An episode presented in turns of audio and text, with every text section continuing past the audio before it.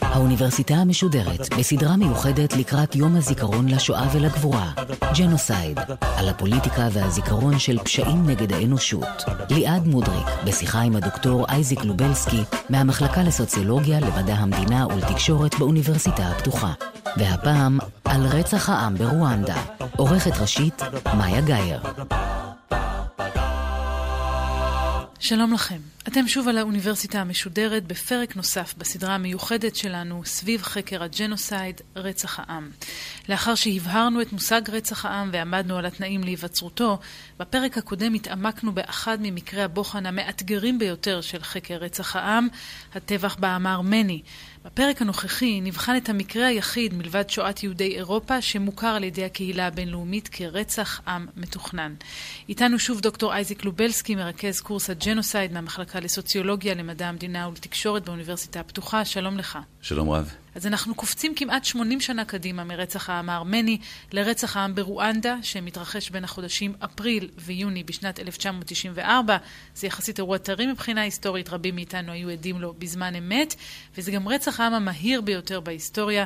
במהלך שלושה חודשים נטבחו כ-900 אלף בני אדם, בעיקר באמצעות נשק קר. בואו נתחיל ברקע הגיאופוליטי והכלכלי לאירוע המחריד הזה. תאר לנו את רואנדה שלפני רצח העם. רואנדה של 1994 היא מדינה מאוד ענייה, קודם כל. גרים שם אה, בין חמישה לשישה מיליון תושבים, מדינה שגודלה בערך כגודלה של ישראל, שישמור על אה, פרופורציות גיאוגרפיות. היא מדינה שיש בה היסטוריה של אה, שלטון קולוניאלי בעברה, כמו מדינות רבות באפריקה, אבל בה באופן ספציפי השלטון הקולוניאלי, במקרה שלה זה הבלגים, ששלטו בה בין 1916 ל-1962, יש לו משמעות אה, מעט יותר מעמיקה אולי מאשר במקומות אחרים, ואני אפרט על כך מיד. המדינה הזאת מאופיינת בכך שיש בה שתי קבוצות אה, אתניות מרכזיות. קבוצה אחת שמונה כ-85% מהאוכלוסייה נקראת הוטו, זה השם שלה, וקבוצה שנייה שמונה כ-15-14% מהאוכלוסייה נקראת טוצי. יש שם עוד קבוצונת שנקראת טוואה, שהיא לא כל כך בעלת משמעות, הסיפור של הג'נוסייד שמונה כאחוז מהאוכלוסייה. לפני שרואנדה זכתה לעצמאות ב-1962 ואילך, הסיטואציה בה הייתה שהשליטים בתוך החברה הפנים-רואנדית היו דווקא קבוצת המיעוט הזו, הטוצי, שמנתה רק 14% מהאוכלוסייה, בזמן ש-85%, קבוצת ההוטו, הייתה מעין אזרחים סוג ב', אם ניתן לכנות את זה כך. כל זה בחסות האימפריה הבלגית הקולוניאלית, שקרתה עם הטוצי ברית הטוצי שלטו ברואנדה לפני שהאירופים השתלטו עליה, והם אפשרו להם להמשיך ולשלוט ברואנדה, תוך כדי כך שהם למעשה נמצאים כמעין שליטי על מעל השלטון של הטוצי. הסיפור הזה הוא סיפור שבמסגרתו יש מעגל של איבה ושל שנאה שהבלגים תורמים לו תרומתם בתקופה שבה הם שולטים ברואנדה, כאשר הם מתעדפים את הטוצי אל פני ההוטו, ובסופו של דבר מביאים לכך שההוטו, קבוצת הרוב המדוכאת, שונאת את הטוצי, שנתפסת כקבוצה פריבילגית, כקבוצה מפונקת, וכאשר רואנדה זוכה לעצמאותה ב-62 וההוטו מקבלים את השלטון בבחירות דמוקרטיות, זה מה שקורה שם, הם פשוט אה, ממדרים ומדירים את הטוצי שעד אז שלטו ברואנדה והופכים אותם לקבוצה נרדפת לחלוטין. אז זה ברמת הרקע, הסיפור שמתחיל ב-62 ומגיע למיצויו בג'נוסייד של שנת 94. עכשיו, בהקשר לסיפור הספציפי של אה, רואנדה, יש לנו כאן אה, סיפור מאוד מעניין, שקשור לעובדה שהג'נוסייד הזה, הסיבה המרכזית להתרחשותו היא מגיעה מההיבט הגזעי או הגזעני. כאשר שתי קבוצות אפריקניות ברואנדה, האחת מהן תופסת את השנייה דרך משקפיים גזעניות, שמזכירות למעשה תיאוריות גזעניות שמקורן בכלל באירופה. וההוטו רוצחים בסופו של דבר את הטוצי ב-94, בעיקר כיוון שהם תופסים אותם כקבוצת גזע שונה משלהם. אז תכף נגיע לזה וגם ננסה להבין בדיוק מה זה אומר, אבל אפילו אם נחזור היסטורית יותר אחורה, איך נראתה רואנדה עוד לפני הכיבוש האירופי? מה היה שם אז? עדיין הייתה חלוקה לקבוצות, או שהחלוקה הזו נולדה עם הקולוניאליזם? אנחנו לא יכולים לדעת באופן אה, מובהק מה בדיוק היה שם, אנחנו יכולים לשער. וזאת כיוון שברואנדה אין אה, היסטוריה כתובה במובן המקובל, כי השפה המדוברת שם היא שפה אוראלית בלבד, ללא כתב, הקיני רואנדה. כשהאירופים מתחילים להגיע לאזורים אה, האלה, גם אה, לאזור רואנדה, הם מראיינים, מדובבים, בדרך כלל אנשים שנתפסים כזקנים או זקנות, ושואלים אותם מה היה בעבר. את יודעת שבאפריקה, בתקופה של המאה ה-19, אנשים בני 30 כבר נחשבים לזקנים, ורמת הזיכרון שלהם לגבי מה שהיה מאות שנים קודם, היא מן הסתם לוקה בחסר. ככה שעד לסוף המאה ה-19 אנחנו לא באמת יודעים מה היה שם, אנחנו יכולים לשער. אנחנו יודעים ששתי הקבוצות האלה התקיימו ברואנדה עוד לפני הגעת האירופים. האימפריה הגרמנית שלטה ברואנדה, אגב, עוד לפני הבלגים, למשך כמה וכמה שנים, בין 1898 ל-1916, וקודם לכן אנחנו יודעים שהטוצי היו בשלטון. המלך היה תמיד טוצי, זו אותה ממלכה עצמאית שהיה בה ארמון מלוכה בעיר הבירה קיגאלי, ואנחנו יודעים שמאות שנים, כפי הנראה, המלוכה עברה בירושה מאב לבן, בקרב מלכים מקבוצת הטוצי. אבל ההתייחסות של שתי הקבוצות האלה אחת לשנייה, הטוצי והאוטו, למיטב ידיעתנו, מעולם לא הייתה בעלת איזשהו גוון גזעני או גזעי, כיוון שהמונח הזה בכלל לא היה מוכר ולא היה קיים ברואנדה או באפריקה בכלל. עכשיו, מה בדיוק כן היה שם? יש כל מיני תיאוריות. התיאוריה שבעיניי נתפסת כהגיונית וכמספקת את הסחורה ההגיונית לפחות, היא תיאוריה שבמסגרתה אנחנו מדמים את היחסים בין הטוצי, השליטים ברואנדה הטרום עצמאית, לבין ההוטו, הרוב הכנוע יותר, למצב שמזכיר אולי את אירופה הפאודלית, שבמסגרתו האריסטוקרטיה, קבוצה מצומצמת יחסית, שלטה ברוב האוכלוסייה. כן. ללא שהתקיים הבדל של גזע, או בהכרח שקבוצה אתנית אפילו, בין אותה אריסטוקרטיה בעלת דם כחול לבין קבוצת העם. ההוטים. לבין האריסים בדיוק, הווסלים וכולי. אז אין לנו אפשרות לדעת אם אכן כך היה הדבר. מה שאנחנו כן יודעים הוא שבמידה מסוימת ההוטו הופלו לרעה. באותה תקופה תחת שלטון הטוצי. לדוגמה, אם גבר טוצי היה רוצח גבר הוטו, הוא היה נענש בקנס כספי, ואם גבר הוטו היה רוצח גבר טוצי, הוא היה מוצא להורג. גזר דין מוות. כלומר, לא היה פה שוויון בין שתי הקבוצות, זה לאו דווקא אידיליה, כן. אבל בוודאי לא חלוקה, לא דיכוטומיה על בסיס גזעי שהוא בסיס מאוד חונק ומאוד אה, כזה שאינו מאפשר מוביליות חברתית וכדומה. אגב, מבחינה דתית יש שם הבדלים, או שהדת לא שיחקה תפקיד בסיפור הזה? בסיפור הזה הדת משחקת תפקיד בעקיפין, כיוון שרואנדה הייתה מדינה שבה עד לתחילת המאה ה-20 גרו כעשרה אחוז מוסלמים, mm-hmm. ו-90 אחוזים אה, היינו מגדירים אותם אה, באופן מאוד גורף כעובדי אלילים. Mm-hmm. שלל דתות אנימיסטיות וכדומה, שלא ניכנס כרגע לתיאורן. השלטון הבלגי אחד הדברים המרכזיים שהוא מבצע זה מיסיון מאוד מאוד מהיר, תהליך ניצור מאוד מהיר של אוכלוסיית רואנדה, כאשר בתוך תקופה של כ-46 שנים, 90 אחוזים מהרואנדים מתנצרים. וואו. רובם הכנסייה הקתולית, חלקם אה, לכנסיות פרוטסטנטיות. בשתי הקבוצות? כלומר, גם ההוטו וגם הטוצי? אה, בשתי הקבוצות אנחנו רואים את אותו תהליך של ניצור ואותם אחוזים של קתולים מול פרוטסטנטים, אין לכך שום משמעות. במקרה הזה. המשמעות היחידה שקיימת כאן אולי היא העובדה שבבלגיה עצמה, השליטה הקולוניאלית עד 1962, גם בה יש שתי קבוצות מרכזיות, הוולונים, דוברי הצרפתית והקתולים, לעומת הפלמים, דוברי הפלמים והפרוטסטנטים. כן. ובראשית הקמתה של האימפריה הבלגית ברואנדה, עם ההשתתות על קונגו, המושבה האדירה שלהם, ואחרי זה רואנדה ובורונדי, שכונתה בזמנו אורונדי, השליטים היו בעיקר אה, מקרב הוולונים דוברי הצרפתית והקתולים, גם אלה שנשלחו לשרת מעבר לים. לאחר מלחמת העולם השנייה, בעקבות תהליכים פנימיים באירופה עצמה וגם בבלגיה של אה, דמוקרטיזציה ושידוד מערכות ביחסים בין הוולונים לבין הפלמים בבלגיה, אנחנו רואים שיותר ויותר פלמים נשלחים לשרת ברואנדה, ביניהם גם מיסיונרים, פרוטסטנטים. והפלמים האלה נוטים לזהות את ההוטו, קבוצת הרוב המדוכאת, עם עצמם. עם מצבם של הפלמי בבלגיה ואת הטוצי, שהם קבוצת המיעוט השלטת, הם נוטים לזהות אותם עם הוולונים. ככה שאנחנו רואים ככל שמתקרבים לשנת 62, שבה בלגיה מסיימת את השלטון הקולוניאלי שלה ברואנדה, דווקא יותר תעדוף מצד אותם פלמים כלפי ההוטו, במשהו שכן יש בו משמעות ברמה הדתית גם. אבל הזכרת קודם באמת את המתח הגזעי. זה משהו שהבלגים מחדירים לתוך רואנדה? בהחלט כן, זה מוחדר לאו דווקא ברמה של חקיקה, ולאו דווקא ברמה של אה, כללי אצבע שהשלטון פועל לפיהם, זה מוחדר יותר ברמה של אה, מין common sense בקרב הבלגים. גם אנשי הממשל, גם אנשי הצבא, גם סוחרים, גם מיסיונרים שמגיעים לרואנדה ותוהים איך זה יכול להיות שקבוצת מיעוט של כ-14% מהאוכלוסייה שולטת בקלות כה רבה בקבוצת הרוב של ההוטו, שמונה כאמור כ-85% מהאוכלוסייה. עכשיו, הניסיונות של הבלגים להסביר את העניין הזה נשענים על כמה מחקרים בעלי אופי גזעני למדי, שאחד הבולטים ביניהם הוא מחקר של חוקר בריטי ששמו היה ג'ון הנינג ספיק, שהיה אחד מהבריטים המרכזיים שעסקו בקמפיין לגילוי מקורות הנילוס במחצית המאה ה-19.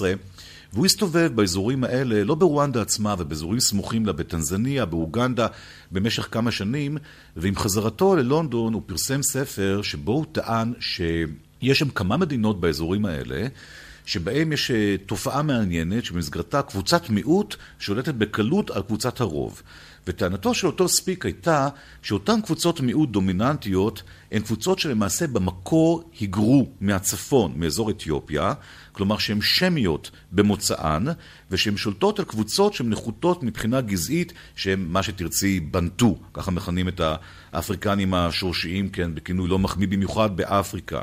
ושהעובדה שהן שולטות בקלות כה רבה בקבוצות הרוב, מעידה על מוצאם הגזעי המשופר. אבל זה מעניין, כי כאילו אנחנו מכירים נניח, דוגמה שאנחנו חוזרים אליה בכל פעם בצער, כן, בשואה התפיסה הנאצית הייתה שיש להשמיד את היהודים כי הם גזע נחות.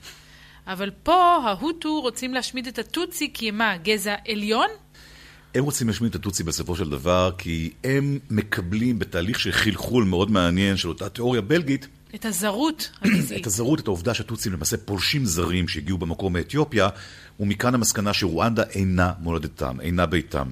העניין הזה הוא באמת אה, מופרך לחלוטין. דרך אגב, כלומר אין שום עדות לכך שאכן אה, הטוצי, הרואנדים, הגיעו במקור מאתיופיה, וכמובן שבכלל ייחוס של מוצא שמי או חמי או יפתי, אם תרצי, לכל קבוצה שחיה כיום בכדור הארץ הוא בגדר כזה משאלת לב, ולא שום דבר שניתן להתייחס אליו כמובן כאל אה, משהו מדעי במיוחד.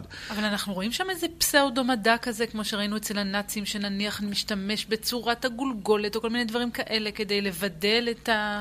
בהחלט אנחנו רואים אה, שימוש בתיאוריות כאלה, אולי הבולט ביותר מביניהם התיאוריה שנקראת פרנולוגיה, שמי שאחראי לה במקור הוא הרופא האוסטרי, פרנץ גל. כן, אה, אנחנו רואים גם אה, מדידה של גולגלות של הטוצי ושל אה, ההוטו בידי כל מיני חוקרים בלגים שמגיעים לרואנדה.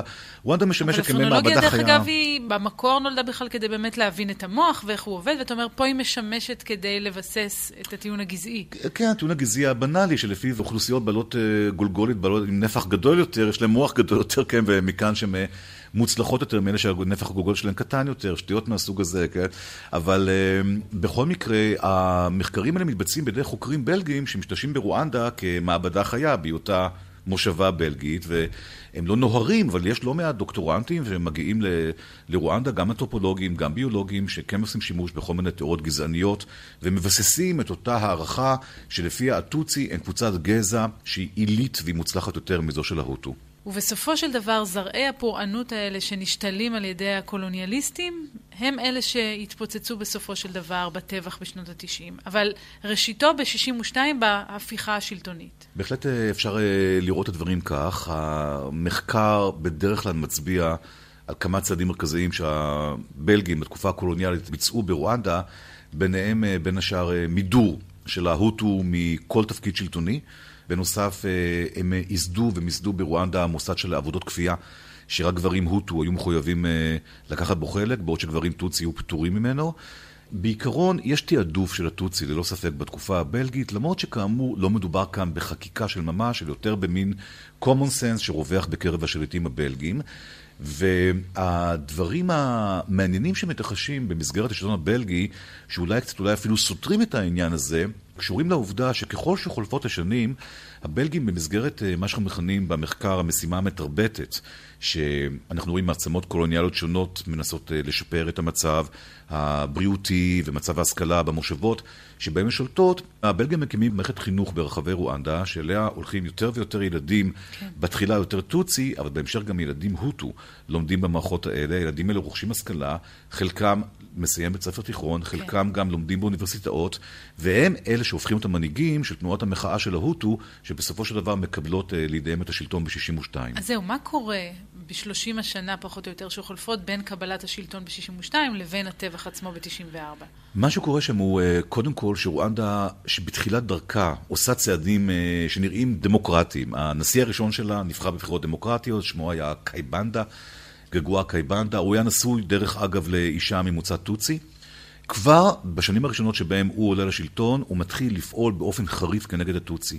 בין 62 ל-64, בסך הכל שנתיים מאז שרואנדה מקבלת עצמאותה, נרצחים לפחות 30 אלף טוצי, בפוגרומים, לכאורה ספונטניים ברחבי רואנדה, שאף אחד לא מנסה לעצור אותם, ומאות אלפים כבר בשנתיים הראשונות האלה הופכים להיות פליטים, ועוזבים את רואנדה, בעיקר לאוגנדה, מדינה ששוכנת אה, מצפון לרואנדה, שהופכת להיות אה, הקולטת המרכזית של הפליטים שמגיעים מרואנדה לאורך אה, גם כל השנים שממשיכות בהמשך הדרך. אתה אומר לכאורה ספונטניים, יש לנו עדויות שהם לא היו ספונטניים? אין לנו עדויות לכך, אבל אנחנו יודעים ששלטון לא ממש מנסה לעצור אותם, הוא לא בדיוק שולח כוחות משטרה או צבא ועוצר את האשמים בפוגרומים, אלא די מעודד את הסיפור הזה.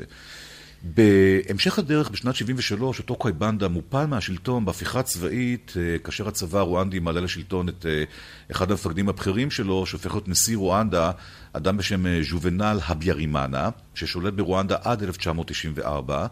והתקופה של אותו הביארימאנה לא שונה בתכלית ברמת רדיפות הטוצי מתקופתו של קייבנדה.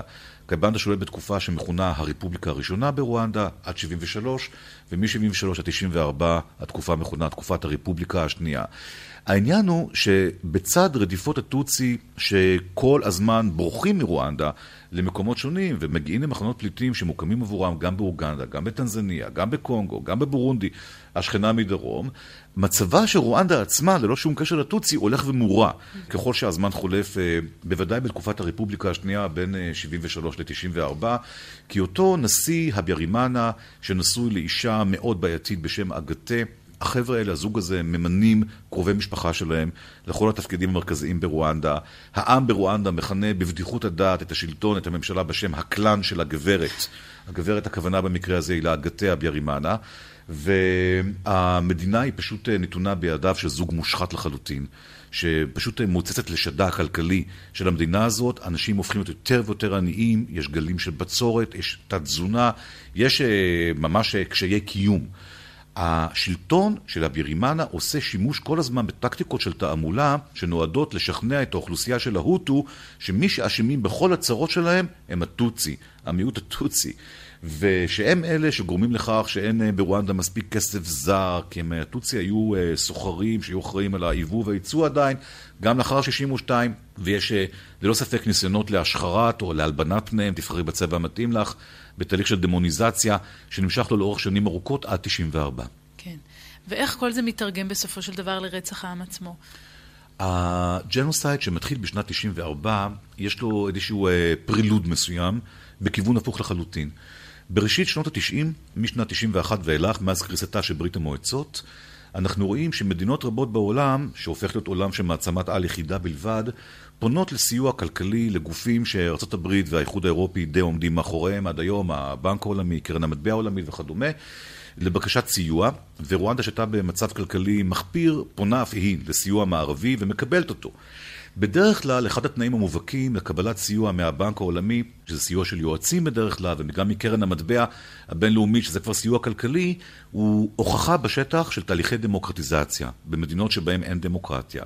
וכך באופן פרדוקסלי, בין 91 ל-94, אנחנו רואים שרואנדה עוברת תהליכים של דמוקרטיזציה, כשהשלטון מאפשר למפלגות אופוזיציה לקום, מאפשר יותר חופש דיבור ועיתונות, וגם מקבל יותר כספים כסיוע מהעולם המערבי ומשפר את המצב הכלכלי של המדינה. ואז מה? הבעיה המרכזית היא שהדבר הזה לא נוגע בכלל לגורל הטוצי, ובוודאי לא לגורלם של הטוצי שחיים כפליטים מחוץ לגבולות רואנדה.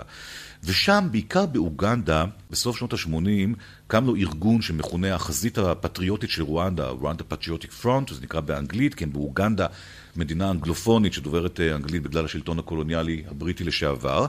והארגון הזה מוקם בשנת 87 ומונהג בידי אדם שהוא כיום הנשיא של רואנדה, שמו פול קגאמה, אחד מהידידים הקרובים של מדינת ישראל, דרך אגב.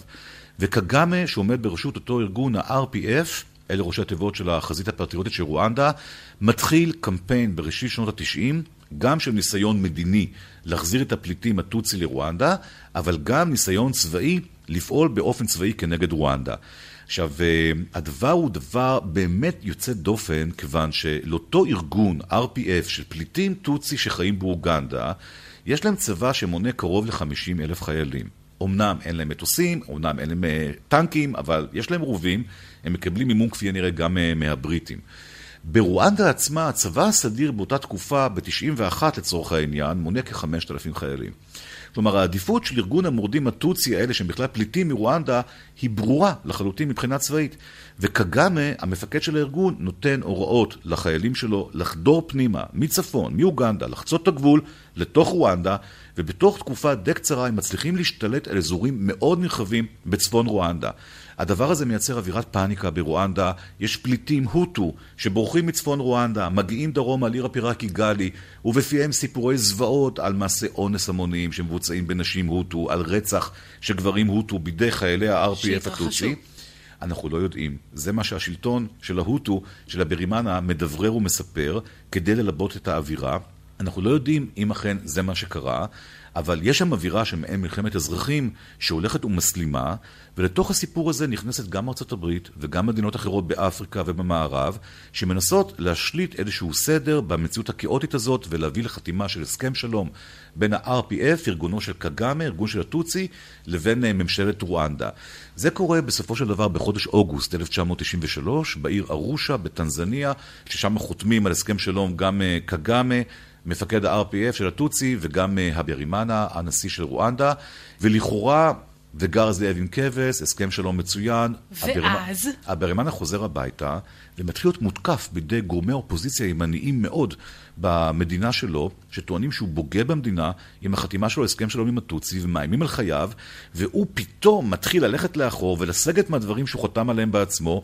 הלחץ הבינלאומי מכריח אותו פעם נוספת, בראשית אפריל, לטוס עוד פעם לארושה, לטנזניה, ולמחזר שם את החתימה, אם תרצי, לאשרר פעם נוספת אותו הסכם שלום אל מול קגאמה, מפקד ה-RPF, זה מה שהוא עושה. וכשהוא חוזר הביתה מאותה ועידת שלום שנייה בתחילת אפריל 94, מישהו מהקרקע מיירט את המטוס שלו בטיל קרקע אוויר ומפוצץ את נשיא רואנדה לרסיסים, איתו ביחד במטוס גם הנשיא של בורונדי השכנה ועוד בכירים רבים בממשל. באותו יום מתחיל הג'נוסייד ברואנדה, נפתחים מחסנים שבהם אוחסנו מראש כמויות אדירות של מאכלות, של מצ'טות, שמחולקות לכל דכפין. מיליציות אזרחיות שהוקמו כמה חודשים קודם לכן, מתחילות לפעול באופן מסודר, מתוך היררכיה צבאית מובהקת, והג'נוסייד הזה בתוך שלושה חודשים, כפי שציינת קודם, מביא לחיסולם של קרוב למיליון בני אדם. אז איך יודעים שזה מתוכנן ולא ספונטני? ההוכחות שבידינו הן רבות במקרה הזה. קודם כל, אה, קנייתם מראש של כלי הנשק, אחסונם מראש, שלב הארגון שהזכרנו באחד המפגשים הקודמים שלנו. בנוסף, אה, ההתנגשות בחייו של נשיא רואנדה היא אקט שדי ברור שמי שעשה אותו ניסה לגרום להסלמת האווירה, וברור שמדובר באנשים שתכננו את הג'נוסייד. הם, בתוך אה, ההוטו. בתוך ההוטו, כן. הם ניסו, כפי הנראה, להביא למצב שבו הרוב של ההוטו, גם המתונים שבהם יחושו שנשיאם האהוב נרצח, והנה יש לנקום ברוצחים. בנוסף, אה, אנחנו מדברים על אה, הקמתם של אותן מיליציות שהזכרתי, שכדי להקים מיליציות ממודרות וחשאיות, אתה נדרש לפחות לכמה חודשים של עבודה מסודרת, זה לא משהו שעושים אותו מהיום למחר. יש לנו uh, רשימות מסודרות של כל הקורבנות המיועדים שנמצאים בידי הרוצחים, ובנוסף תבלין מעט פיקנטי, שאולי uh, מישהו מהמאזינות או מהמאזינים שראו את הסרט uh, מלון רואנדה, עשויים לזכור, יש לנו תחנת רדיו שמתחילה לפעול עם תחילתו של הג'נוסייד, תחנת רדיו בפריסה ארצית. שמשדרת מוזיקה קצבית נהדרת, רקידה, ובין השירים, הקריינים והקרייניות מחלקים שם הוראות לרוצחים ואומרים להם בדיוק לאיזה כפר ולאיזו עיירה הם צריכים ללכת, ואיפה הם ימצאו כל מיני גברים או נשים או ילדים טוצי שאותם הם יוכלו להרוג. וכל זה קורה בזמן אמת משודר, והעולם יודע, ושוב שותק. הדבר הזה לא בדיוק משודר באותה תקופה, כי אין שם מצלמות של CNN שמתעדות את הג'נוסייד אחד לאחד. אבל יש לנו ארגוני ביון בוודאי, כן, ה-CIA וארגונים אחרים שנמצאים שם ומדווחים לממשלות המערביות מה קורה, וכולם יודעים מה קורה. קלינטון, שהיה נשיא ארה"ב אז, היה נשיא טרי. הוא נבחר, אה, כזכור, בנובמבר של 1992. הזכיר את זה כסכסוכים אתניים. בדיוק, הוא אה, שומע על הדבר הזה בסך הכל כשהוא נשיא תקופה מאוד קצרה. והיועצים שלו, שהם עדיין חרדים אה, מאירועים שקרו בשנה הקודמת בסומליה, שם הברית נכנסה לעימות צבאי, אומרים לו שאולי עדיף הברית לא תיכנס פה למעורבות צבאית ולא תביא למותם של חיילים אמריקאים. הוא יוצא לתקשורת למסיבת עיתונאים ושואלים אותו, היי, hey, אדוני הנשיא, מה קורה שם? הוא אומר, מדובר בעימותים אתניים. לאחר כמה שנים אותו ביל קלינטון אה, יוצא לתקשורת ב-98 ומודה, חטאתי, פשעתי, אשמתי, לוקח אחריות על הסיפור הזה, וכשהוא אה, מסיים אה, להיות נשיא, הוא מקים את קרן קלינטון, שבראשה עומדת בתו של ביל ושל הילרי, צ'לסי, היא עומד בראש הקרן הזאת, והקרן הזאת, המטרה המרכזית שלה היא לסייע בסיוע לקורבנות הג'נוסייד ברואנדה. מה הרי... הופך את המקרה הזה למקרה היחיד שהעולם מכיר בו בדיעבד כרצח עם, שוב, מלבד השואה כמובן? אני לא יודע אם אפילו יהיה נכון לומר שהעולם כולו מכיר במה שקורה ברואנדה. אני מניח שרוב מדינות העולם לא מתנגדות לטענה שהיה שם ג'נוסייד, פשוט כיוון שזה די ברור שזה מה שקרה שם. אין פה אה, יותר מדי משחקים עם הסיפור הזה. ועם זאת, זה לא מפריע לאירועים כמעט ביזאריים, כמו למשל מה שקרה לפני כחמש שנים, או שש שנים ליתר דיוק, בשנת 2015, אה, אולי אפילו ב-2014, כשה-BBC שחרר תוכנית של תחקיר לכאורה אובייקטיבי, שבו נטען שקגאמה ו-RPF הם האחראים הבלעדיים לביצוע ג'נוסייד ברואנדה. משהו שבאמת אה, היה מאוד מוזר לצפות בו, ויש מקומות בעולם שבהם אנשים מאמינים בכך. בצרפת אה, של סרקוזי, בזמן שהוא היה נשיא, המדינה גרסה שפול קגאמה, מפקד ה-RPF, הוא האחראי לג'נוסייד והוצא צו הסגרה להבאתו למשפט בצרפת. הם ירדו מזה רק כאשר פרנסואה הולנד הפך להיות נשיא צרפת וביטלו את העניין הזה, אבל לא הייתה הסכמה גורפת וחד משמעית. כיום נדמה לי שאין ויכוח לגבי מה שקרה שם, וברוב מדינות העולם, ובוודאי ברוב, אצל רוב החוקרים והחוקרות בעולם, מקובל אה, לראות את המקרה שם כג'נוסייד, נקודה ללא ויכוחים. אז המסקנה ממה שסיפרת לנו בפרק הקודם, ומה שאתה מספר לנו היום, כלומר כשאנחנו עוברים מהטבח בעם הארמני לבין מה שקרה ברואנדה, זה מה, שמקרים כאלה נידונים להתרחש ואנחנו פשוט, העולם יצפה בהם מן הצד ואחר כך אולי יתווכח ואחר כך אולי יכיר, אבל זה בלתי נמנע? זה משהו במין האנושי שמדי פעם צריך לעשות מעשה כל כך אכזרי? זו באמת אה, שאלה שהתשובה לה היא תשובה קשה ונוראית, בוודאי. הניסיון מלמדנו עד כה שמי שחזק מספיק ונחוש מספיק ומעוניין לבצע ג'נוסייד, יוכל לעשות זאת מבלי שאף אחד יעצור אותו. כן, לצערי הרב, זה המצב. עם זאת, הקהילה הבינלאומית, החל מאותו רגע מכונן שבו היא מקבלת את האמנה של האו"ם משנת 48' למניעתו של הפשע ג'נוסייד ולחיקת חוקים שינסו למנוע ולפחות להעניש את מי שכבר ביצע אותו בדיעבד, הקהילה הבינלאומית כן צועדת קדימה ברבות השנים למצב שבו היא כן מאפשרת יותר כוח לגופים בינלאומיים לנסות ולמנוע או לפחות להעניש פושעי ג'נוסייד. ככה שאנחנו כן יכולים לקוות שבעולם העתידי, אין לי מושג בדיוק מתי הדבר הזה יקרה, אבל שהסבירות לביצוע ג'נוסייד, ההיתכנות לביצוע ג'נוסייד, תלך ותרד בניגוד למה שקורה היום. הלוואי. דוקטור אייזיק לובלסקי, תודה רבה לך. ניפגש כאן גם בתוכנית הבאה, האחרונה בסדרה הזו של האוניברסיטה המשודרת. תודה רבה. תודה ולהתראות.